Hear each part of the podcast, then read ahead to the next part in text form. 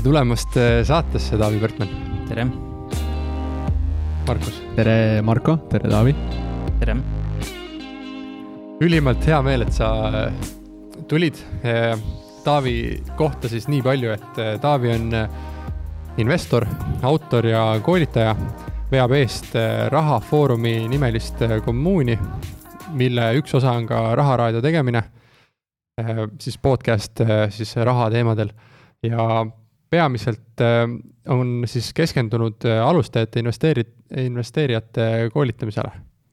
ja sen-, senini on aidanud äh, tuhandetel eestlastel alustada investeerimisega ning aidanud neil siis luua süsteemset isiklike rahaasjade sellist infrastruktuuri, aidata neil siis personaalse rahandusega natuke kaasa, et fun fact on see, et mina äh, sain ka Taavilt äh, väga palju tuge äh, aastaid tagasi, kui äh, Taavi siis loosis välja kõikide kirjutanute vahel, kõik, kes kirjutasid enda teekonnast ja enda kogemustest, siis loosisid välja ühe ees, eesmärgipärase investeerimise e-raamatu. Mhm. ja sina võitsid? jah, ja siis sa andsid mulle ühe tasuta koopia sellest. seda ma ei mäleta et äh, igastahes pidi kirjutamist Taavile emaili peale ja, ja siis Taaviga pärast äh, arutasime ja siis ta ütles, et, et, et kõik, kes kirjutasid, oli siis, neil oli võimalus saada see tasuta, aga, aga reaalselt lõpuks kõik nagu tahtsid seda raamatut, aga ainult vähesed kirjutasid. ja sina siis olid välja valitud? mina mõtlesin, et noh, et kui tasuta saab ja, ja tuleb kirjutada, et siis ma ikka teen ära, aga siis tundub -hmm. et paljud ei olnud nõus isegi seda väikest asja tegema. jah, noh, tihtipeale ongi, et kui alustajaga ei tegutse, siis ei saa ka midagi, et ja tänast saates tegelikult eh, tahakski võtta siis luubi alla isiklikud rahaasjad, personaalse rahanduse ja, ja rääkida sellest, et kuidas korraldada rahaasju nii, et tulevikus oleks rohkem, mida siis kulutada või investeerida. kuidas tundub? põnev teema. teeme ära. Eh, Taavi, aga räägi, kui kaua sa oled eh, ise aktiivselt enda rahaasjadega tegelenud ja kui palju sa oled oma äh, investeerimisteed siis käinud? noh, ütleme, et äh, ma ei ole nagu selline, kes lapsepõlvest saati juba hakkas seal mingeid arveraamatuid pidama ja nii edasi, et, et äh, väiksena ikka raiskasin raha ära ilusti. mis seal ikka olid, nätsud, kommid ja, ja mingid jäätised ja, ja muu pudi-padi, on ju. et ma arvan, minu huvi sellise rahaga mõistlikumalt ringi käimise vastu tekkis pigem gümnaasiumis, et siis, kui mul hakkas ka investeerimishuvi tekkima, eks need olid tugevalt seotud et kui ma enne kulutasin kõik raha ära, siis peale seda ma läksin sinna teise äärmusesse ja ma põhimõtteliselt tahtsin kõik raha ära investeerida. küsisin jõuludeks näiteks äh, sünnipäevaks mingite riiete jaoks raha ja siis see kuidagi lõpetas investeeringutes hoopis. et selline nii-öelda teine äärmus oli. et ma arvan, et see on äh, äkki kuskil kaks tuhat neli, kaks tuhat viis, kuskilt sealt hakkasin pihta. päris pikalt äh, tegelikult tegutsenud aga kuidas investeerimisega, et kaua sa aktiivselt oled äh, investeerimisega siis tegelenud, et kas saidki kohe gümnaasiumis alustada investeerimisega ka või, või see võttis natuke kauem aega? no natukene, ma ütleks mingi aasta-kaks läks võib-olla kauem. aga jah, ta hakkas niimoodi, just see investeerimishuvi tekkis niimoodi, et me mängisime börsimängu.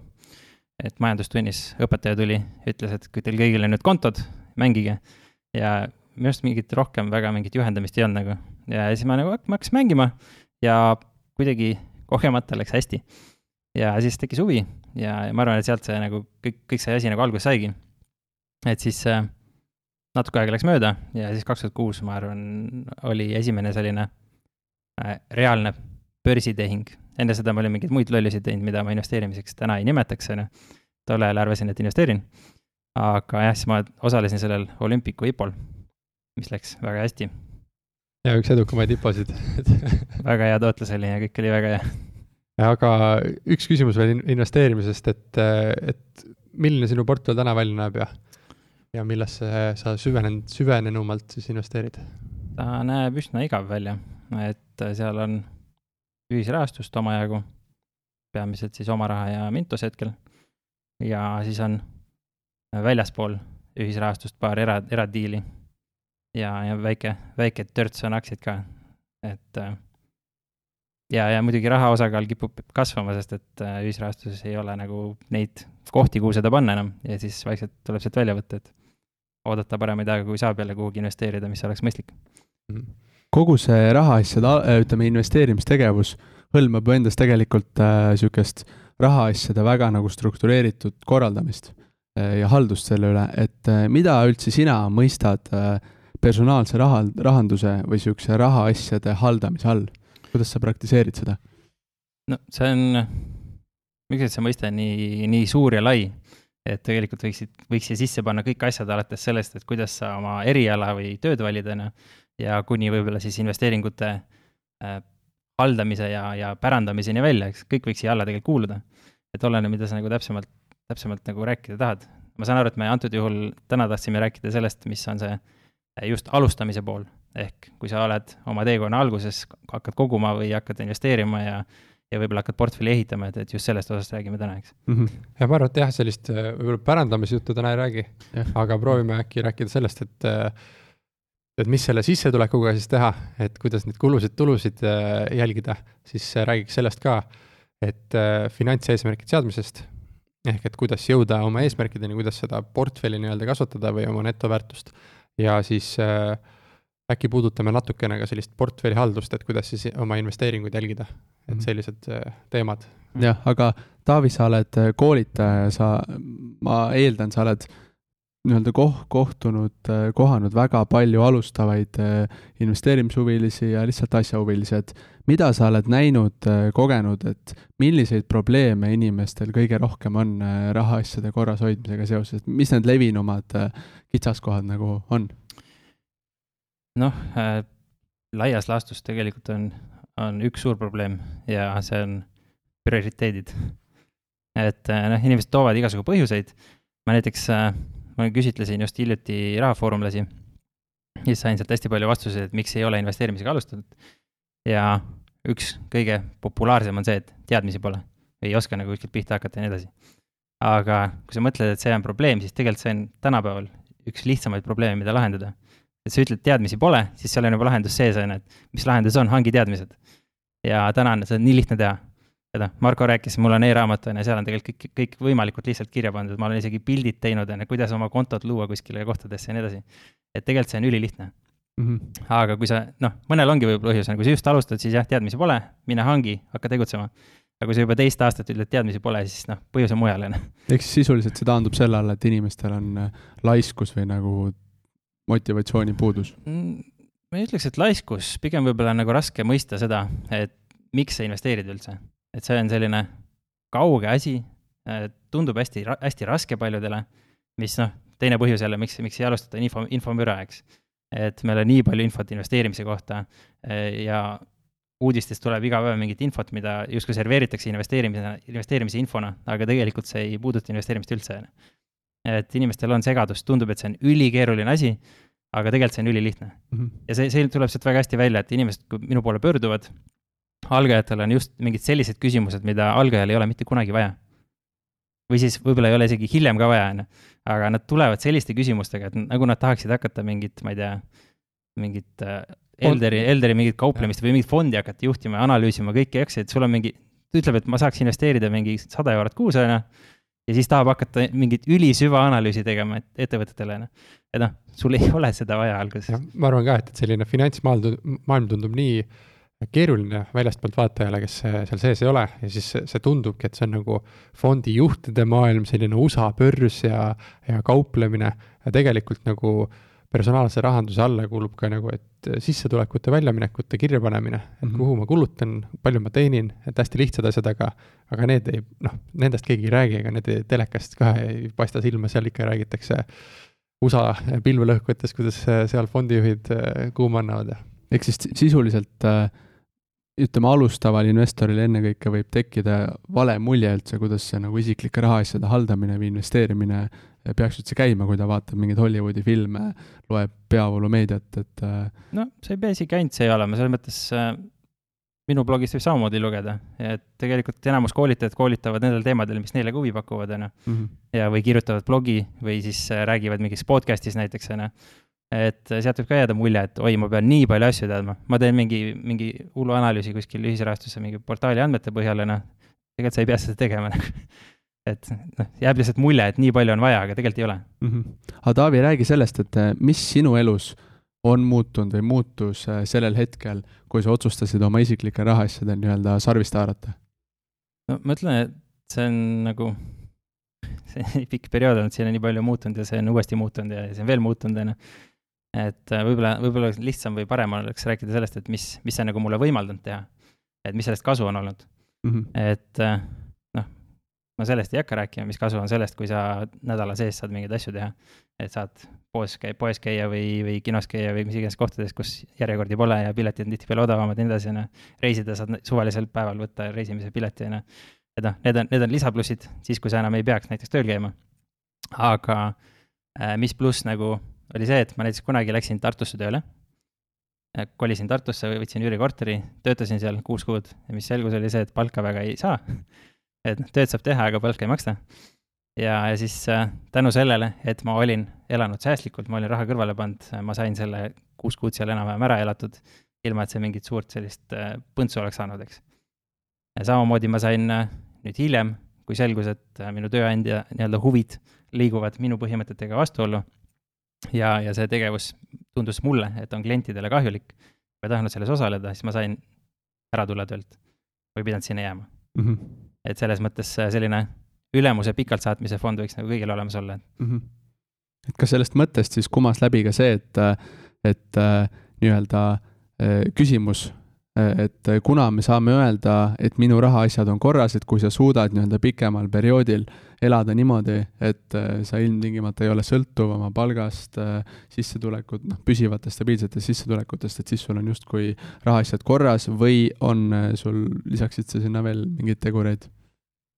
noh, see on, see on see minimaalne, et rahaasjad peaksid korras olema mm. -hmm. aga ma ütleks, vaataks nagu natuke suurema pildiga seda, et sul peaks olema mingi konkreetne eesmärk, on ju, või noh, arusaam, mida sa tahad üldse.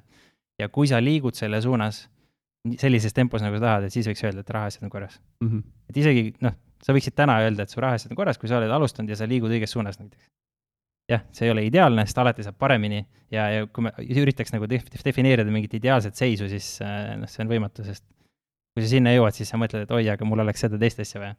et nagu need äh, Silicon Valley mingid miljonärid on seal, kes kes nüüd mõtlevad selle peale, et, et äkki ühel hetkel tuleb see mingi ühiskonnakorraldus kukub kokku ja siis mul on vaja kuskile Uus-Meremaale mingit territooriumi osta ja ma pean omale helikopteri hankima ja nii edasi ja nii edasi, et üritavad neid mingeid minimaalseid riske kuidagi maandada, on ju. et noh, sa ei jõuagi kunagi sellesse lõppseisu. Ehm, selle, kuna on korras, on, eh, on see asi ka, et mingil hetkel äh, on see kõige suurem emotsionaalne muutus, äh, mida sa tuntavalt tunned, et, et ma olen kuulnud, et see on sellel hetkel, kui sa hakkad teenima tööl või noh, mingi sissetulekuga piisavalt raha, et sa ei pea enam nii-öelda poes neid kilohindasid nagu näpuga järge ajama, et, et põhimõtteliselt tunned sellist, et sul on piisav sissetulek, et saad kõik oma põhivajadused nagu kaetud äh, ja sul jääb natuke üle ka, et see on see tegelikult kõige suurem moment, kus inimene tunneb sellist rahulolu ja kõik, mis sealt edasi läheb, et kas sa hakkad nüüd passiivset sissetulekut teenima või kas sul lõpuks tekib nii palju raha, et sa saad oma ülemuse pikalt saata ja, ja nii-öelda fina-, finantsvabadust nautida, siis need enam ei olnud nii suure rahuldust, nii suurt rahuldust enam ei paku, kui see esimene mm -hmm. punkt, kus sa hakkad stabiilset sissetulekut teenima. jah, noh, ma arvan, et esimene punkt on see, et kui sa saad omale sööki lubada ja kodu, on ju. et kui sul neid ei ole ja sealt jõuad selle koduni, siis see, ma arvan, päris suur nagu pluss, on jaa, absoluutselt. eks siin neid astmeid on nagu hästi palju, et aga lähme siis äh, isiklike selliste rahaasjade haldamise strateegiatesse ja praktilistesse tehnikatesse ja tööriistadesse, räägime siis oma kogemuse põhjal, äh, kuidas meie neid asju teeme. Ja esimeseks teemaks võtame finantseesmärkide seadmine. see on siis selline hetk, kui oletatavalt inimene või meie kõik siin oleme jõudnud arusaamale, et peaks investeerima. Ja ja olen pannud endale mingi eesmärgi, et me tahame siis jõuda kas finantsilise vabaduseni mingi hetk, see on selline abstraktne siis mõte, on ju, või siis me teame, et me tahame teenida kindla rahasumma nagu, et ma tahan, et mu portfell oleks mingi hetk miljon eurot. siis on vaja tegelikult selleks eh, seada finantsilisi eesmärke, et sinna jõuda. mis te arvate üldse, et, eh, et kuidas saavad eh, selliste abstraktsetest unistustest siis kuidas me sinna jõuame, mida on vaja teha selleks, et sinna jõuda? plaan plaan. plaan lühidalt öeldes, et äh, samamoodi ju nagu äh, maja sa ei hakka lambist ehitama, sul peab mingisugused joonised olema, mingi struktureeritud tegevus on ju, siis mina isiklikult arvan, et äh, investeerimises võiks täpselt samamoodi olla, et äh, või vähemalt noh, umbkaudselt, et sa tead, et mis suunda, mis strateegia sa, strateegiaga sa nagu lähed jah, ma iseenesest olen nüüd viimasel ajal mõnes kohas lihtsustanud seda eesmärkide seadmist, et ma olen samamoodi teinud, et ongi finantseesmärk, eks. aga tegelikult ma arvan, et mõistlikum oleks vaadata suurt pilti kõigepealt. et üldse mõelda erinevad eluvaldkonnad läbi, mida sa tahad selles valdkonnas, mida sa sellest tahad, kuidas sa suhetega tahad, millist tööd sa tahad teha, milline see äh, nii-öelda töökultuur võiks olla näiteks, et kas sa pead istuma üheksast viieni seal või sul on vaba aeg, sa võid, ma ei tea, vaba graafikuga võib kodus töötada ja nii edasi, et kõik siuksed asjad läbi mõelda. ja, ja siis erinevate valdkondade peale kokku vaadata, et sealt tulevad siis need finantseesmärgid välja, et sõltuvalt sinu elustiilist, mida sa elada tahad, sellest nagu siis okay, sõltub see, mis summasid sul vaja on, vaata. saad mõne näite tuua, et kuidas sa ise oled siis kombineerinud, ütleme, äh, ainult nagu investeerimisportfelli finantseesmärki ja sinna juurde lisanud siis mingi muu eluvaldkonna nagu perega seotud eesmärgid? no ma isiklikult äh, kasutasin seda äh,, mis mul seal e-raamatus on ka see turniiridel ja harjutus ma ise tegin niimoodi, et erinevad eluvaldkonnad, kõikides valdkondades vaatasin läbi, et mis ma nüüd siis äh, tahaks, mis need minu jaoks kõige olulisemad asjad on. ja siis ma vaatasin, kui palju selleks raha on vaja, enam-vähem. noh, kindlalt ei saa arvutada nii täpselt, on ju. aga see näitab mingil määral ära, et, et mis, mis see minu siht on mm. -hmm. ja sealt ma võtan finantseesmärgi, sest mul ei ole vaja. kas sa liitsid need kõik siis kokku lõpuks, et said aru, jah. et spordis oleks või tervise mõttes oleks mul ja. nii palju vaja? noh jah, kui ma näiteks, tuleb välja, et ma tahan, äh, ma ei tea, mingit teatud taset tervises saavutada, ju, ja, ja mul on selleks vaja käia äh, ma ei tea, kolm korda nädalas trennis, mul on vaja jõusaali pilet maksta selle eest, mul on vaja personaaltreener võtta selle eest, siis noh, sealt tuleb välja mingi summa, palju mul iga kuu selleks vaja on, samamoodi peres on ju, et ma, ma ei tea, tahan perega reisida üks või kaks korda aastas, siis jällegi tuleb mingi summa sealt välja. et niimoodi võtsin, võtsin need kokku. sest tegelikult see miljon ka, noh, see on, eesmärk on küll miljon, on ju, aga tegelikult on seal taga küsimus alati, et miks et sa tahad miljonit, sest üks inimene võib-olla tahab sellepärast, et siis ta arvab, et ta leiab omale naise, on ju, või kaaslase, teine arvab sellepärast, see annab mingi staatust talle, kolmas arvab, et siis ta saab klubis käia ilma järjekordas seismata või mis iganes, on ju. või keegi tahab üldse oma vanemat pensionile saata, et tegelikult see eesmärgid seal taga on täiesti erinevad. ja mind, mind isiklikult see number ei motiveeri, et mina vaatan seda, miks. et see eesmärk nagu motiveerib mind. jah, ma arvan, et see on äh, väga tõsi, et seal peab midagi taga olema, muidu see lihtsalt muutub ebaoluliseks ja kui raskeks läheb, siis on lihtne nagu seda kõrvale jätta. no ma, ma ei tea, kas see sada protsenti nii kehtib, sest mulle tundub, et mõne inimese jaoks on see number hästi oluline, et et mõnda motiveeribki see rahanumber, et kui sina oled selline, keda see number motiveerib, siis noh, kasuta seda, on ju, et sa ei pea nagu minu järgi või kellegi teise järgi tegema, et mina, mina lihtsalt tean, et mind see ei motiveeri, et ma mängisin kunagi pokkerit samamoodi, on ju, läks päris hästi, kui ma järgisin mingit süsteemi, aga ühel hetkel mõtlesin, et no mis ma teen, ma lihtsalt tõstan raha ühest taskust teise, mingit väärtust nagu ei loo, on ju. ja noh, kadus motivatsioon ära ja enam ei läinud hästi, on ju. et mina nagu, ma tean ennast piisavalt hästi, et ma, see mind ei motiveeri. aga kuidas seda siis teha, ütleme, et meil on see, kas see eluvaldkondade põhiselt on see number kokku saadud, see eesmärk, kuhu siis pürgida, või siis on, ongi see lihtsalt arbitraarne mingi number, mis tundub nagu äge tase, kuhu jõuda. kuidas me siis reaalselt eh, seda nagu saavutama hakkame, kuidas teie olete, kuidas teie oma elus nagu seda teete? me räägime investeerimisportfelli põhiselt või mis iganes number teil on, et kui on investeerimisportfellis on, et ma tahan jõuda portfelliga sellise tasemele või sul on lihtsalt mingi rahasumma, mida sa tahad elus kokku ajada mm. või siis on nagu Taavil, et, et valdkonnapõhiselt eh, teab, kui palju raha ta tahab nagu igakuiselt teenida. et kuidas seda eesmärki saavutada? No minu arust seal on nagu hästi isiklikust, kuidas ma näen seda, et pidev nagu jä-, noh, sa paned mingisuguse paika endale ja sa reaalselt püüad nagu olla siis, perform ida selles nagu ajaraamis, mis sa oled endale pannud, et sinna eesmärgini jõuda, või siis äh, isegi teha paremini sellest, et noh, noh, taaskord, et äh, väga lihtne äh, näide on Excel, eks ole, kuidas seda teha, joonistad mingisugused graafikud seal ja siis saad võrrelda nii-öelda nii-öelda prognoositud ja siis tegelikku tulemust ja siis sealt juba noh, kui sa näed seda pilti, siis sa ju saad tegevused vastu võtta, et kas siis suurendada nagu tootlikkust või, või säästumäära või kuidas iganes, et mind on see nagu väga palju aidanud. jah, et see on, see on hea mõte, et sa jagad selle nii-öelda tulemuse eesmärgid, et protsessi eesmärgiks. ehk siis noh, kuidas sinna jõuda, on tegelikult see, et kõigepealt sa paned oma need mingid soovid paika ja noh, ja siis sa iga soovi saavutamiseks sa pead midagi tegema. Ja ma ise olen kasutanud sellist asja nagu lõpust algusesse planeerimine. ehk siis, kui sul ongi see soov näiteks, et ma tahan saada miljonit mingiks ajaks kokku, mis iganes, ma ei tea, kolmekümne viie aastaselt tahan miljonär olla, siis sa võtadki selle ette, et okei okay,, miljon selleks ajaks, viskad kuskile kalkulaatorisse need numbrid sisse, et mis seal olema peab ja siis sa tead, et palju sa iga kuu näiteks kõrvale pead panema.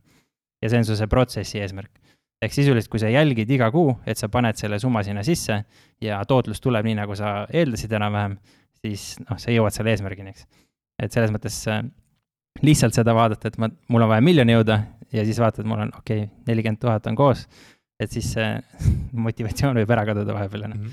aga kui sa tead, et noh, iga kuu viissada kõrvale ja sa oled iga kuu viissada pannud, siis noh, iga kuu on win mm. -hmm. et Markus, nagu ma aru saan, sina teed siis Excelis jälgid seda reeglina küll, ütleme, eh, kvantitatiivselt mõõdetavaid asju, raha, noh, numbritega kõik seonduv, minu jaoks on Excel väga hea abi, abimees siinkohal. Taavi, kuidas sul, mis tööriist sind aitab? no Excel või Google Sheets on alati hea, hea abimees, et sinna võid ka teksti panna, kui number ei ole. et kui sul on mingi tervise eesmärk, siis saad samamoodi panna sinna tekstina kirja, et mis see mõõdik on, on ju. ja nii edasi, et, et noh, ma vahepeal ajasin selle väga jaburaks, tegin hästi põhjalikke Exceleid sellega. aga nüüd ma noh, tagasihoidlikumalt natukene ikka midagi kirjutan, et. ma ise olen kasutanud ka ühte Excel tabelit, ma ei tea, ma võib-olla jagan teiega ja näitan, vaatame, vaatame kõik no, koos, kui see huvitav tundub. väga põnev. niisiis, et see on peamiselt siis seotud sellise investeerimise eesmärgiga ja, ja kuidas neid finantseesmärke seada, mis siis aitavad investeerimisel kaasa, olen ma teinud sellise Exceli tabeliga ja disclaimer'i käigus äh, ütlen ära ka, et, et me oleme seda investeerimisklubi liikmetega jaganud ja praegu see on olemas seal äh, investeerimisklubi lehel, tööriistade lehe all kõigile allalaetav ka, kes tahavad siin mängida, endale finantseesmärki saada. esimene küsimus, mida peab vastama, on siis see, et mis on portfelli hetkeseis praegu. teeme mingite algajate sellise abstraktsete numbritega läbi näiteks, ütleme, et portfelli seis alguses, pakkuge mingi number, ma kirjutan siia. no no see viissada eurot on väga okei okay,, ma arvan, seal. oleneb algajast, jah. jah, okei okay,, jätame viissada, et algus on viissada. siis äh, kui palju kuus äh, suudab see inimene siis säästa? ma ütleks, et, ma ütleks, et see inimene ei tea, palju ta suudab säästa, et ta peaks selle ühe protsendi väljakutsega liituma. et see. räägi sellest väljakutsest, mis see on. et see mõte on selline hästi lihtne, et, et äh, hästi palju inimesi tulevad minu juurde, kes ütlevad, absoluutselt ei ole võimalik raha kõrvale panna aga tegelikult, eh, kui ma nendega räägin, siis selgub, et neil on nagu, neil pole aimu, saja euro piires isegi nad ei tea, et kas pluss-miinus sada eurot kulub mingi, ma ei tea, toidu peale või mingi asjade peale, eks. et tegelikult on säästukohti küllaga. aga äh, mõte on siis see, et sa alustad, kui sa täna oled null säästnud, siis sa paned üks protsent see kuu kõrvale. noh, praegu on november, on ju, novembris paned ühe kõrvale või ühe protsendi kõrvale järgmine kuu paned kaks protsenti, siis kolm protsenti, neli protsenti, viis protsenti, niimoodi iga kuuga tõstad, kuni lõpuks enam ei suuda ja ma olen päris kindel, et enamus inimesi üllatuvad selle piiri, piiri peal, et, et kuhumaani tegelikult saab kõrvale panna, ilma et see kuidagi elu mõjutaks üldse. tegelikult jõuad mitmekümne protsendini reaalsuses. täitsa vabalt võid sinna kahekümne protsendini jõuda, nii et sa isegi vaevu märkad seda, eks. aga tundub, et absoluutselt ei saa midagi kõrvale panna. väga lahe, lahe challenge mm. -hmm. kus, kuidas selle kohta infot võib leida või kuidas sellega liituda äh,? noh, kõige lihtsam on Rahafoorumis otsingut kasutada, aga lühilink on rahafoorum.ee kaldkriips ja üks protsent protsent okay. on sõnadega, et, et ma. paneme notes idesse ka. hästi lihtne on tegelikult. saad märkme teha selle kohta, siis paneme. et äh, ma ise sedasama tabelit põhimõtteliselt kasutasin ka alguses ja, ja mina suutsin reaalselt äh, säästa kuus, maksimum oli sada eurot. et ma mhm. panen see sada näiteks ja, enda -hmm. sellise näite puhul. alustades on väga õige ja siis siin on küsimus, et mis on selline keskmine inflatsioonimäär ja ma võtsin lihtsalt äh, meelevaldselt, äh, on räägitud ajaloolisest keskmisest kaks koma viis, kolm protsenti, et ma panin kaks koma viis. ja siis on mhm. küsimus, et mitmendast kuust hakkab port-, portfell intressi teenima, ehk et siis, kui sa tahad kohe seda raha, mis sul on, juba investeerid, siis see iseenesest portfell teenib juba intressi, aga kui äh, sa, sul on mõte, et ma kaksteist kuud kogun ja siis hakkan investeerima, et siis saab siia näiteks kaksteist panna. -hmm. aga jätame praegu ühe, ütleme, et, et me panime kohe viissada juba tiksub kuskil, kogub raha ja siis sada, mis ma iga kuu lisan, siis äh, lisame ka investeeringutesse ja siin paremal pool on siis küsimus, et äh, see on siis eesmärgi või unistuse küsimused, et äh, kui mis on äh, see kuin-, kuine passiivne rahavoog, mida sa soovid mingil hetkel siis äh, teenida, mis kataks ära su igakuised kulutused.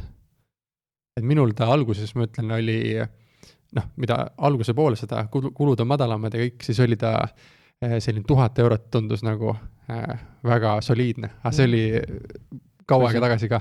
kui sa sada eurot saad kõrvale panna, siis tuhat on juba päris, päris korralik ju. jah, täpselt et ja siis mingi hetk ta kasvas tuhande viiesajani ja siis tundus, et normaalne oleks kaks tuhat ja siis tundus kaks tuhat viissada, aga nii ta läheb alati, aga, aga mm. kuskilt on vaja alustada, on ju. mis te arvate, mis ma panen siia? no aga panegi see tuhat, vaatame, kaua, kaua kulub. Ja siis äh, küsimus, viimane küsimus, et mis on selline oodatav portfelli äh, siis tootlus järgmise, ütleme kuni kümne viieteist aasta jooksul, mida suudad teenida, et mina alguses olin väga optimistlik, mõtlesin, et kui ma hakkan aktiivselt investeerimisega tegelema, siis neliteist protsenti suudan ma teenida. ja esimese aasta lõpuks lõin numbrid kokku, teenisin kaks koma kolm protsenti tootlust noh, peaaegu.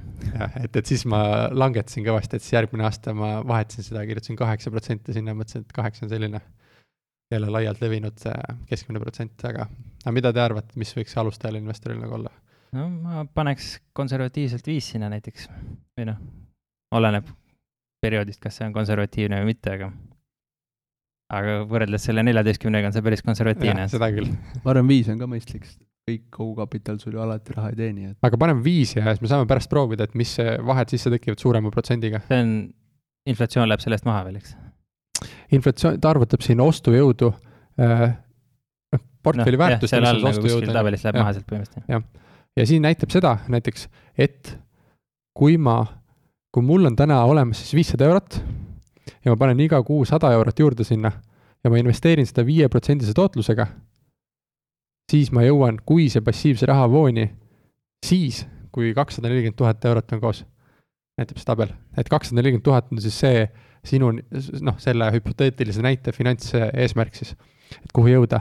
ja siin allpool on siis selline kokkuvõte kogu tabelist mis näitab, et, et esimese aasta lõpuks on sellel inimesel koos siis tuhat seitsesada viiskümmend seitse eurot. Näiteks viienda aasta lõpuks on koos seitse tuhat nelisada nelikümmend seitse ja kahekümne aasta lõpuks on siis koos nelikümmend kaks tuhat. nii et tegelikult see kakssada nelikümmend tuhat jääb siia äh, päris kaugele, ütleme siin kolmekümne aasta peale, sellise näite mm -hmm. puhul aga, aga mis selles positiivne selles näites on, on see, et, et saab igakuiselt alustada, et siin all on siis iga aasta Äh, laiali tõmmatud ja siis põhimõtteliselt saadki selle endale eesmärgiks võtta, et, et järgmine kuu peaks mul olema siis kuussada kaks eurot teenitud, siis äh, sellest järgmine kuu seitsesada viis ja, ja niimoodi on võimalik siis äh, proovida seda numbrit siis järgida. et mina olen ise nii, nii käitunud. ma arvan, tegelikult siin on üks oluline asi see ka, et kui sa toimetad juba selle valdkonnaga, siis see viis protsenti ei pea jääma viieks protsendiks et äh, õpid juurde, saad teada, suhtled teiste investoritega, arutad erinevaid võimalusi, miks mitte, see võib kümneks ka tõusta ühel hetkel, on ju, ja siis tuleb see aeg nagu kordades lähemale. No ma pakuks, et antud juhul on isegi olulisem see, et see sada euri kasvab kahesajaks, kolmesajaks, viiesajaks mm. -hmm. aga vaatame korraks, võrdleme, et, et kui inimene suudab siis saja euro asemel panna kõrvale näiteks kakssada viiskümmend, teeb sellise hüppe siis näiteks muutus see, et kahekümne aasta pärast mitte tal enne oli nelikümmend kaks tuhat, siis, siis äh, nüüd on tal juba sada kolm tuhat. Mhm. ehk et see on üle viiekümne protsendine, üle saja protsendine kasv, tähendab sellest neljakümne kahest. Aga paneme tagasi sada, on see, mis ta suudab siis iga kuu panna, aga paneme tootluseks, paneme siin äh, ütleme kaheksa protsenti. siis äh, tegelikult kahekümne aasta pärast on tal koos viiskümmend üheksa tuhat ehk et mm, -hmm. et oluliselt tähtsam on alguses just äh, ise aktiivset raha juurde portfelli saada. eriti, eriti niisuguste väikeste summade juures on ju. et noh, kui sa paned tonn ja siis paned sada eurot juurde, siis noh, mõju nii suur enam ei ole, on ju, aga aga ikkagi, kui sa saad nii vähe panna kõrvale, siis tegelikult äh, võiks kasvatada. aga üks, üks asi, mis siin on, on see, et äh, miks, miks ma nagu ka tahaks sellise või nagu pean oluliseks sellise arvutuse läbi tegemist. ma isegi isiklikult olen kasutanud sellist kalkulaatorit, kus sa näed, äh, mitu aastat nagu kulub mm. sinna eesmärgini jõudmiseks.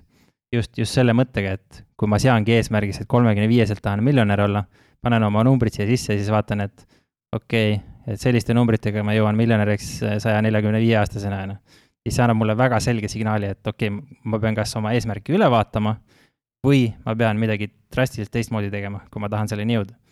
muidu on see, et sa lihtsalt viskad oma see sada euri sinna ja siis loodad, et sa oled miljonär, on ju.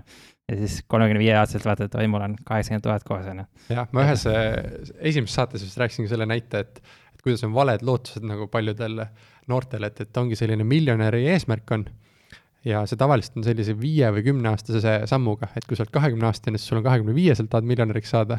kui oled kahekümne viiendal, tahad kolmekümneselt saada, on ju. ja siis äh, täna oled, ütleme, noh, on kümme tuhat eurot näiteks koos. ja siis sul ei ole seda kindlaid finantseesmärke seal vahepeal ja sulle tundub, et see ongi saavutatav. aga kui sa tegelikult paneksid, võtaksid selle tükkideks lahti, jagaksid kasvõi kuude vahel selle miljon eurot ära, see tähendab seda, et mis me saime, et iga peaksid... kuu sa pead siis panema kõrvale kuusteist tuhat kuussada kuuskümmend kuus eurot. jah, ja et, siis. et viie aastaga miljoniks saada. ja, siis vaatad, kui reaalne nagu see on, on ju, tegelikult ei ole, et No, siis äh, no see, see, sa võid mõelda, vaata, et kas see on reaalne või mitte, et palgatööga see on, tõenäoliselt ei ole reaalne Mm. mm.. aga kui sa nagu, kui see on reaalne sinu tugev soov, siis äh, noh, alusta oma startup'i, rüga siin kakskümmend neli seitse, võib-olla hüppab, on ju. Mm, või kui esimese korraga ei õnnestu, siis teed teised, teed kolmandad, teed neljandad, noh. ja lihtsalt see, see nagu näitab jällegi seda, et kui sul on teistsugused eesmärgid, siis sa pead valima teistsugused vahendid lihtsalt. või siis saad aru, et noh, ega ma nii väga ei taha seda miljoni staatust, et see on nagu, piisab ka äh, kahesajast tuhandest. see on raske töö, et ma ei tahagi nii väga. jah, et kui sa saad aru, mis sa tegema pead selleks reaalselt, siis, siis noh, paneb perspektiivi selle asja, et kas ma ikka tahan seda, kas ma olen nõus need ohvrid tooma selle nimel või mitte, on ju, et mis te arvate sellise lähenemise puhul, et mis on need hu- äh, olulised äh, siis nüansid või nipid, mida peab äh, siis selle elluviimisel nagu jälgima, et min- minu esimene soovitus on see, et kui ma olen ise seda ka, ma olen reaalselt seda sama tabelit kasutanud ja mul on ja olen seda teinud kuus aastat vist ja mul on kõik need tabelid alles ka, et ma olen teinud esiteks mitu versiooni ja see ongi see, mis Markus rääkis ka, et et kui me täna teeme sellise tabeli, kus me paneme sada eurot kõrvale ja me aastaga areneme nii palju, et me suudame aasta lõpuks panna kakssada viiskümmend, siis miks mitte teha äh, uue aasta hakul või eel siis äh, uus arvutus, ehk et seada, noh, vaadata, mis on muutunud, et täna ma suudan juba rohkem kõrvale panna, võib-olla tootlus on ka tõusnud natukene ja siis äh, tuleb see nii-öelda see, see soovitav rahasumma, mis meil on, tuleb oluliselt lähemale. et, et mina olen nagu äh, neid muutnud iga aasta tagant umbes või pooleteist aasta tagant, kui ma olen äh, siis jõudnud ette oma, oluliselt ette oma, oma eesmärgist. ja sellest, nendest numbritest natuke ettepoole. mm. -hmm. ma arvan, et see on äh, väga nagu hea mõte, et äh, et iga kord, kui sa, sul õnnestub nii-öelda teha areng oma nendes asjades, kas siis seda keskmist äh, tootlikkust enda portfellil parandada või siis äh, nii-öelda suuta rohkem kõrvale panna, on ju, siis tegelikult see lõpptulemus läheb ju ainult ilusamaks ja ainult noh, muutub ka nagu rohkem kättesaadav, noh, lähe, lähemal asuvaks sulle nii-öelda. et ei ole enam see, et kaheksakümneaastaselt oled äh, mingisuguse suurema summaga, vaid see tegelikult võib juba täitsa kümne aasta raadiuses olla, on ju. mm -hmm. noh, siin on, siin on üks selline aga juures, et millele ma, ma ei oska nagu vastata, kas see on hea või mitte.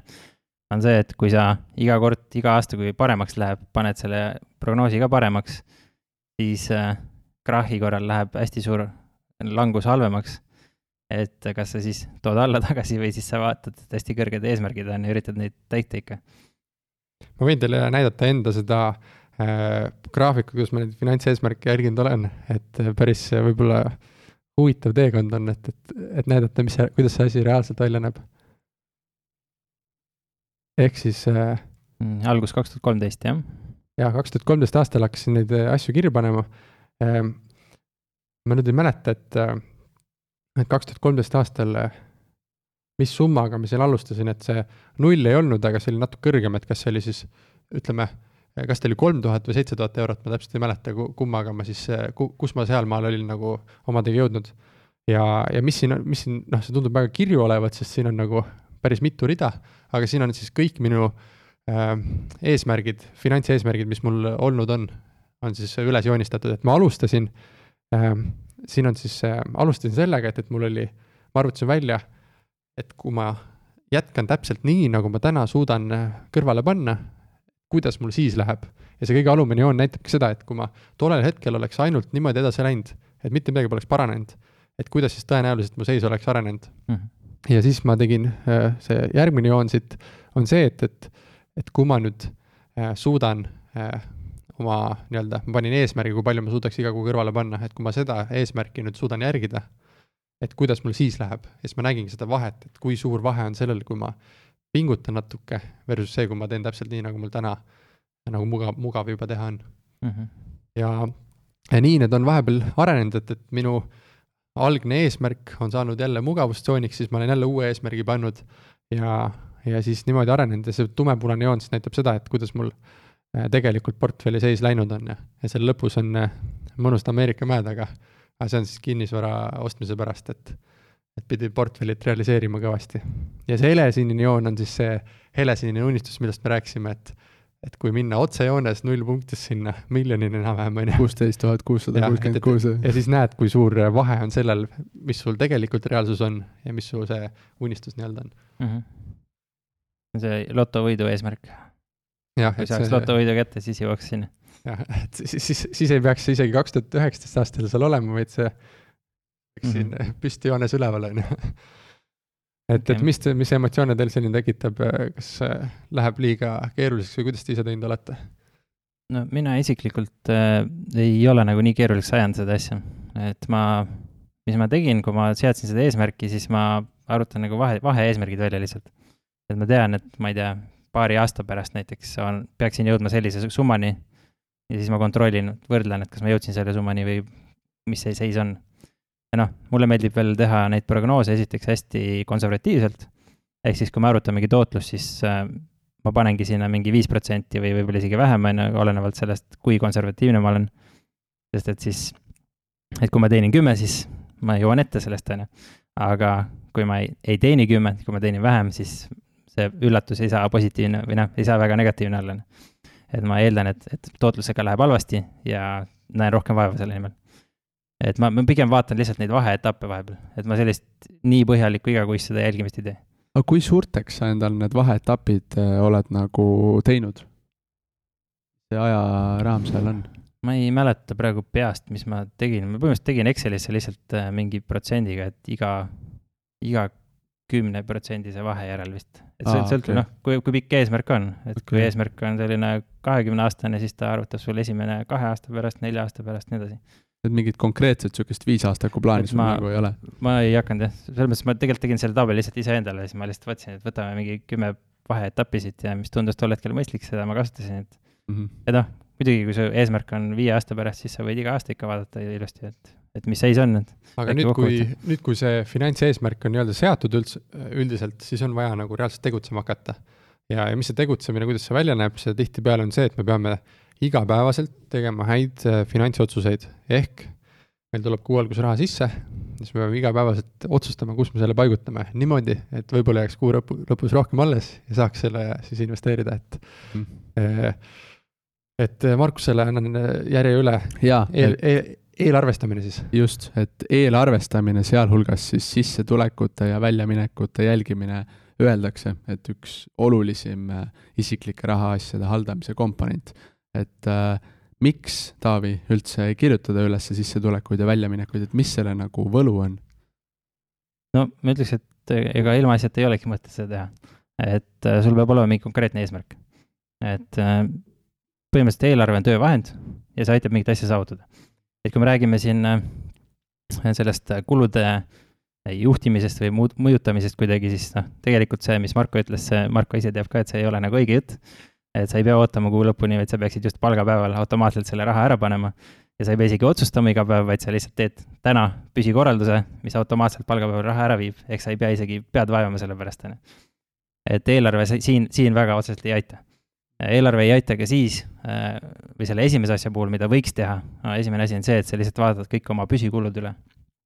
Et kõiksugu tellimused, mingid ajakirjad, telefonipaketid, mobiilipakk või need interneti, teleka ja mis iganes, kõik paketid, asjad üle vaadata Äh, tihtipeale ei ole seda vaja, kunagi müüsin telefoni teel äh, Viaseti neid telekapakette, helistasin inimesele, kellel oli vist, ma ei tea, kas mitu aastat äkki oli olnud see mingi kolmekümne üheksa eurone äh, satelliit ostetud ja see seisis kuskil nurgas, ta oli ära unustanud, et see tal on üldse, noh. maksis muudkui põhimõtteliselt nelikümmend euri kuus, on ju, või mingi sihuke, noh, et noh, kui sa need asjad üle vaatad kõik, võib-olla sul ei ole midagi vaja, võib-olla saad mingi väiksema paketi võtta, sa ei kasuta seda suurt asja ja nii edasi, on ju et sisuliselt reeglina see ühekordne selline üks kõne või üks meil ja, ja iga, igakuine siis sääst on käes, on ju. Mhm. et noh, mobiilioperaatoritele see tavaliselt ei meeldi, aga, aga nad vaikselt niimoodi tõstavad hinda.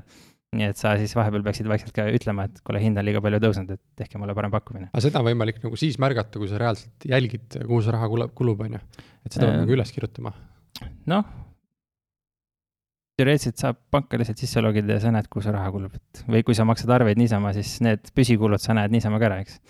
et seda on, seda on suht lihtne. et selle jaoks ma ei ütleks, et sul otseselt eelarvet vaja on, sest mina, minul noh, ma olen vanamoeline veel, ma tahan näha, kuhu ma raha panen, nii et ma olen veel käsitsi maksnud neid arveid, on ju. Aga isegi kui need sul automaatselt on tehtud, sa näed tegelikult arveid. sa lihtsalt võtad kõik oma arved ette, näed, mis need igakuised arved on, on ju, ja sealt saad muuta midagi. seda. sul ei ole mõtet tegelikult eelarvet pidada selle üle, et palju sa näiteks internetipaketist maksad, sest see on iga kuu täpselt sama. eelarvega sa seda ei mõjuta, on ju. et mis, mis nagu eelarve, võiks mõte olla eelarvel, on see, et äh, esiteks jah, saad kulud kaardistada, et kui sa ei tea, kuhu raha läheb, ja teiseks siis saad mõjutada kulusid. Ehk äh, iga, iga see kulukategooria, mis sul siin näites on praegu seal mingi kümme tükki neid umbes, et kõik need kategooriad on eesmärgid et siis sa saad nagu, kui sul on, kui sul on soov näiteks mingit äh, kulu vähendada või, või mingit kulu suurendada, näiteks investeeringutesse panna. ma, kus sul, sul ei olegi investeeringut sinna pandud, sul on all äh, säästu eraldi, ja siin, siin on säästurida jah, et, et selles tabelis on teistmoodi. okei okay.. et äh, noh, sul võib olla eesmärk, kas seda alumist rida suurendada või siis mingit teist rida vähendada, on ju, aga aga niisama ma, ma isiklikult ei, ei näe, et väga palju oleks mõtet neid kõiki kulusid üles panna, kui sa tead, kuhu ma olen ise läheb. kirjutanud üles just selle emotsionaalse side, sideme pärast, et üks asi on see, et ma maksan Mm. selle ära. Ja teine asi on see, kui ma selle veel ühe korra võtan lahti ja kirjutan pangast ümber siia Excelisse, siis hakkab eriti valus veel et siis näed, kuhu, kuhu nagu raha kulus ja siis hakkab, hakkab valus ja siis järgmine kord võib-olla ei tee sellist kulutust. jah, ei, selles mõttes, tal on jah, eesmärk, see aitab nagu kulusid vähendada. aga lihtsalt minu, minu mõte on see, et ma, ma alguses tegin ka, ma olen aastaid teinud niisugust põhjalikku tabelit ja ma tean inimesi, kes teevad seda hästi põhjalikult ja ma tean inimesi, mõnele meeldib seda vaadata mingi kaks aastat tagasi, et kui palju mu leiva peale kulutatud summa on kuu jooksul kasvanud, on ju. mina mulle noh, meeldib vaadata et noh, kui see, kui see on nagu see, mida sa, mida sa teed ja sul, sa naudid seda, siis palun väga, aga see kahjuks nagu minu kogemusel mingi üheksakümmend protsenti inimestel ei tööta. et milleks kasutada süsteemi, mis ei tööta, et Ja, sa lihtsalt, lihtsalt pea nagu eelarvet selle üle, mis, mis on oluline. antud juhul ongi siis, äh, ma ei tea, teeme mingi eelarve näite läbi näiteks, mis on sul mõni äh, konkreetne asi, mida sa mõjutada tahaksid eelarvega? eelarvega, näiteks äh, kulutusi, mingeid mõttetuid kulutusi nagu mingi taksosõidud ja mingi okei Asjad, äh, muga- miks?, mugavusasjad, ütleme. luksus, luksuskulutusi ühesõnaga tahad vähendada? Jah, nii, näiteks. miks? no meil on tasuta ühistransport, saab nagu liikuda, võimalused on loodud, et sisuliselt ei ole ju vaja nagu okei okay,, aga mis sa, mis sa selle rahaga teed? vahet ei ole, kuhu see raha kaob, lihtsalt sa ei taha seda luksust, luksuse peale kulutada. noh, mis ma teeks sellega, investeeriks selle raha. okei okay., ehk siis tegelikult sa tahad neid kulusid vähendada sellepärast, et suurendada investeeritavat summat. näiteks. nii, vot see on täpselt minu, minu see mõte on see, et, et me paneme endale siit need kümme eesmärke, noh, põhimõtteliselt iga kulurida on omaette eesmärk, me üritame kõiki neid järgida, me üritame kõiki neid vähendada, aga tegelikult ei ole ju vahet, kust see raha tuleb. Mhm. et sa lihtsalt seaksid omale selle ühe eesmärgi, ma tahan investeeringute summat suurendada selle summani. kui sa selle kuu alguses ära teed, siis kas on vahet, kuhu see raha läheb ülejäänud? sisuliselt ei ole. noh, ja kas on lihtsam järgida seda ühte eesmärki või kõiki neid kümmet iga päevaga pingsalt järgida? no pigem ühte, on ju. aga minu arust siin on nagu see hästi huvitav mõte ka, et äh, ma endale, enda süsteemis olen ehitanud niisuguse nagu versiooni, et, äh, et iga kulurida, mis ma olen teinud, ta näitab nagu protsenti äh, osakaalu kõikidest kulutustest kokku. ja siis, kui ma vaatan, seal ongi näiteks mingisugune äh, ma ei tea, reede-õhtused väljas käimised, eks ole, ja siis sa vaatad, et äh, nii nagu noh, mis see nagu, see nii-öelda reaalsus kikib sisse sulle, et sa näed, et kui suure osa või noh, ütleme, millise osa sa tegelikult oma kõikidest kuludest kulutad kuskile reede-õhtusse öölokaalidesse näiteks, on ju. Et äh, mulle oli siis isiklikult nagu väga silmi avardav kogemus, et ma üldse ei kuluta palju sinna, aga noh, tegelikult see raha ju võiks veel ratsionaalsemalt nagu ära kasutada mm. -hmm. noh, see ongi see kulude kaardistamise osa, eks. et kui sa enam-vähem juba tead, kuhu su raha läheb, siis tegelikult äh, minu silmis ta nagu lisaväärtust otseselt ei anna. Mhm, okei. aga senikaua, kuni sa ei tea, siis muidugi tasub nagu panna kõik kirja ja vaadata, et. ja, ja, aga Taavi, räägi äkki põgusalt sellest, et, et mis sinu hinnangul, milline see nagu kulude-tulude kirjapanemise formaat on nagu kõige toimivam või efektiivsem, et kas minna sellega nagu äh, nii-öelda väga süvitsi, teha seda natuke niimoodi pinnapealsemalt, mingid kulukategooriad kokku tõmmata, et mis sa näed, mis niisugune efektiivne nagu formaat võiks olla? no ma arvan, et kõige efektiivsem on see, mis sinu jaoks töötab. Et inimesed on erinevad, mõned on nagu Marko, mõned nagu mina, mina olin sama, samamoodi alguses mul oli ka, mul oli vahepeal vist mingi viiskümmend kategooriat või mis iganes, igad mingi sendi täpsuse, kõik asjad panin kirja ja nii edasi, noh. et eh, noh, saab nii teha, kui see töötab, palun tee.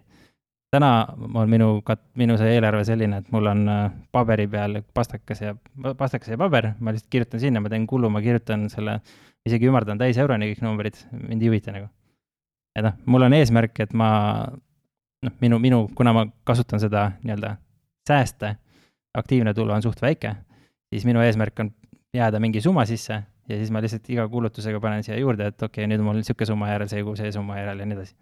et see on minu jaoks mm. -hmm. aga teiste jaoks, noh, kui me räägime sellest, et su eesmärk on näiteks investeeringute summat tõsta, siis saadki lihtsalt panna paberi peale kirja investeeringud, eesmärk kakssada ja siis, kui sa teed selle ära, siis paned sinna alla kirja, et panin kaks sotti, eelarve tehtud mm. -hmm et tegelikult see ei pea üldse keeruline olema. Hmm. lihtsalt tasub nagu vaadata, mis sinu jaoks töötab.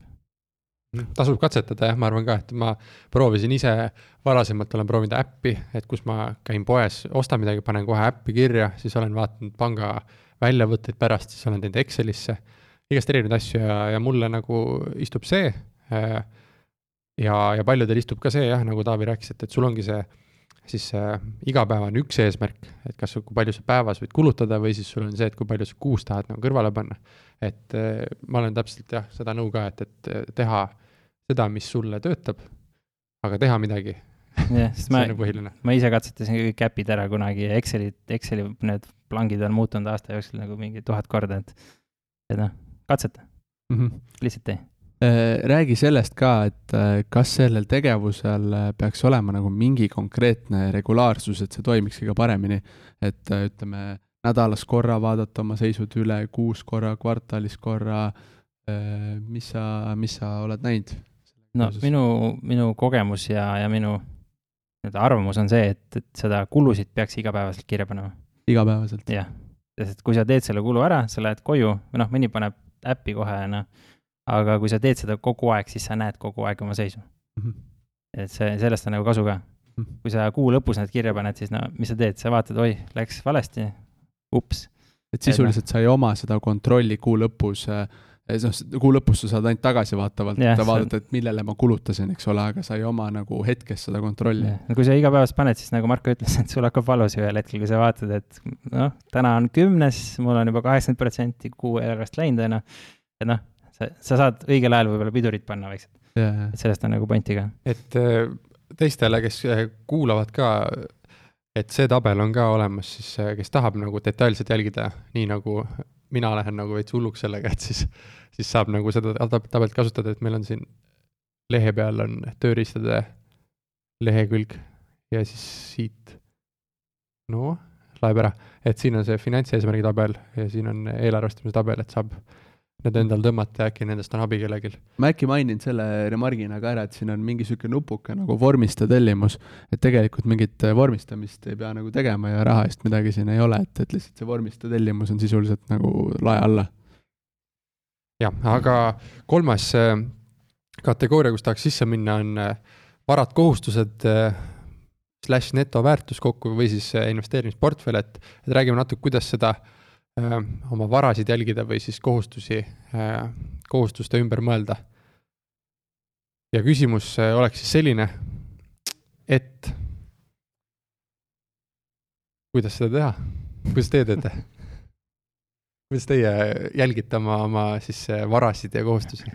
kahe silmaga hoolsalt noh, minul on näiteks lihtsalt põhimõtteliselt kaks tabelit et üks on see ühisrahastuse tootluse arvutamise tabel, mida ma iga kuu teen, et näha, mis, mis seis nagu portfellis on ja varakult tähele panna, et kui kuskil portaalis midagi hakkab jamaks minema, et siis ma saaks kontrollida kiiresti. aga teine asi on siis selline bilansitabel, kus ma siis vaatan, et äh, mis see, mis see nagu neto, netoseis lõpuks on. et kui suur on see nii-öelda võimenduse protsent ehk kui palju mul laene kohustuste või selle nii-öelda portfelli investeeringutega võrreldes on ja mis see lõppseis on. ja siis noh, vaatan ka seda, et kas see nüüd kasvab või siis kahaneb või, või mis, mis toimub. ma ikkagi üritan, üritan sinna suunda saada, et ta kasvaks igakuiselt. et jah, üsna lihtne, et ma tegelikult, äh, kui keegi tahab väga detailselt seda asja näha, siis ma webinaris tegin, rääkisin täpselt sellest, et mis numbreid ma vaatan ja see salvestus on täitsa olemas, et, et saab üles otsida. Markus, kuidas sina jälgid? Äh, pean ütlema ausalt, et mingisugust niisugust netoväärtuse nagu arvutust ma enda jaoks tegelikult ei teegi. et kaudselt ma nagu niimoodi olen seda enda jaoks äh, üles ehitanud, et äh, noh, võtan siis mingil hetkel, kuna ma ettevõtte alt toimetan oma investeeringutega, võtan lihtsalt ettevõtte bilansi mahu mingisuguse seisuga, on ju, laene mul seal peal ei ole ja miinus kakskümmend protsenti ja noh, enam-vähem saan nagu teada, mis see seis on. Et rohkem ma tegelikult jälgin äh, investeeringute nii-öelda liikumist ajas ja neid kuiseid äh, tootluseid ja asju, et samamoodi nagu Taavi, Taavi mainis, et kui kuskil hakkab nagu midagi rukisse kiskuma, et siis ma saan nii-öelda sellel äh, härjal sarvist kohe, aga ütleme, kas olen ma täna viis tuhat või kaheksa tuhat või kümme tuhat netoväärtusega, see mulle niivõrd nagu endale korda praegu ei lähe. Jah, ma ise ka netoväärtust kui sellist olen arvutanud nagu paar korda viimase viie aasta jooksul, sest et ähm, kui sa teadlikult tead, et sul suuri kohustusi ei ole või sul on noh, mul on nagu kodulaen ja ja liising nagu igal äh, endast lugupidaval keskmisel Eesti, Eesti inimesel on ju, et siis äh, noh, ja nende protsente sa tead, mis sa võtnud oled. et, et mis neid ikka siis nagu iga, igapäevaselt või igakuiselt nagu kirja panna ja näppida, et ma pigem mm. tegelikult siis keskendun ainult vara poolele, ehk et jälgin oma investeerimisportfelli äh, väga aktiivselt ja seal sees jälgin täpselt samuti siis varaklasside põhiselt, instrumentide põhiselt ja, ja raha osakaalust, kui palju ma olen sisse pannud ja kui palju on tootlusest tekkinud. just, täpselt sama. et, et võib-olla siis räägimegi natuke sellest äh, vara poolest ja varade jälgimise poolest, et, et mida te siis äh, seal sees jälgite kas eraldi varaklasse kõiki, kas läheb veel detailsemaks kui see? no minul on põhimõtteliselt seal bilansitabelis on lihtsalt eraldi varaklassid. Noh, mul tegelikult, okei okay,, mul on ühisrahastusportaalid on ka eraldi, sest nii on lihtsam seda lihtsalt kirja panna sinna. et tegelikult see, ma otseselt seda ei vaata, et see ei ole nagu nii oluline. ja ega ma seal väga detailselt ei olegi et just põhjus, miks ma seda tegelikult bilanssi vaatan äh, või seda netoväärtust vaatan, ongi see, et äh, kuna ma olen tükk aega elanud põhimõtteliselt oma säästudest, eks, siis äh, ma võtan sealt välja kogu aeg ja minu jaoks on oluline see, et ma ei võtaks välja rohkem, kui see asi kasvab. Et ma üritaks nagu niimoodi, et see asi nagu liiguks edasi. ja kui siis kahaneb, siis ma tean, et ma pean pingsamalt oma eelarvet järgima. et see nagu annab mulle signaali, et minu jaoks on see number nagu kõige, kõige niisuguse sügavama infoga et kunagi jah, ma vaatasin neid mingeid muid äh, rahavoogusid ja mis iganes asju, aga täna see nagu ei anna mulle seda infot, mida mul vaja on. jah, et selles olukorras, kus äh, reaalselt sa elad ka sellest rahast, äh, mis siis kogunenud on, et siis tuleb nagu natuke ümber seadistada kõiki asju ma ei tea, lihtsalt minu jaoks see töötab, et, et igaüks võib, võib ise mõelda, mis, mis tema olukorras oluline on. kui su eesmärk on reaalselt teenida, ma ei tea, viissada eurot või seitsesada eurot või tuhat eurot seda passiivset tulu, siis noh, ilmselgelt sa jälg-, jälgid seda passiivset tulu. et minul seda eesmärki täna ei ole. et minu eesmärk on lihtsalt, et mu portfell kasvaks kiiremini kui, kui see, on ju.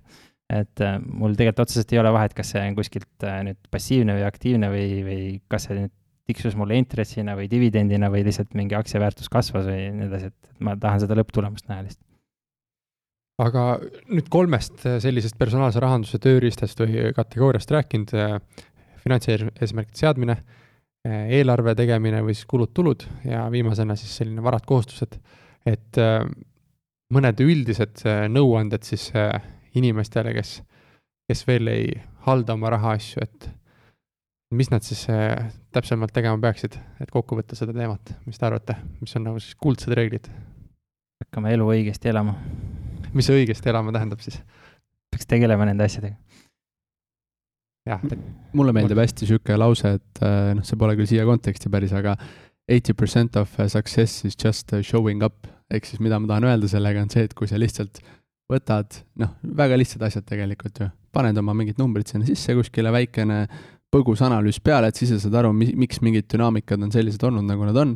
kui sa lihtsalt teed selle läbi äh,, lihtsalt käitud, nii-öelda harjutad selle rutiini endale sisse, mis ei ole isegi nii kohutav rutiin, vaid lihtsalt teedki ära nädalas viis minutit, siis ma arvan, juba see on nagu väga suur äh, suur nagu asi, et, et lihtsalt teha seda nagu on minu arust kõige olulisem äh, märksõna, et see kõik taandub distsipliinile.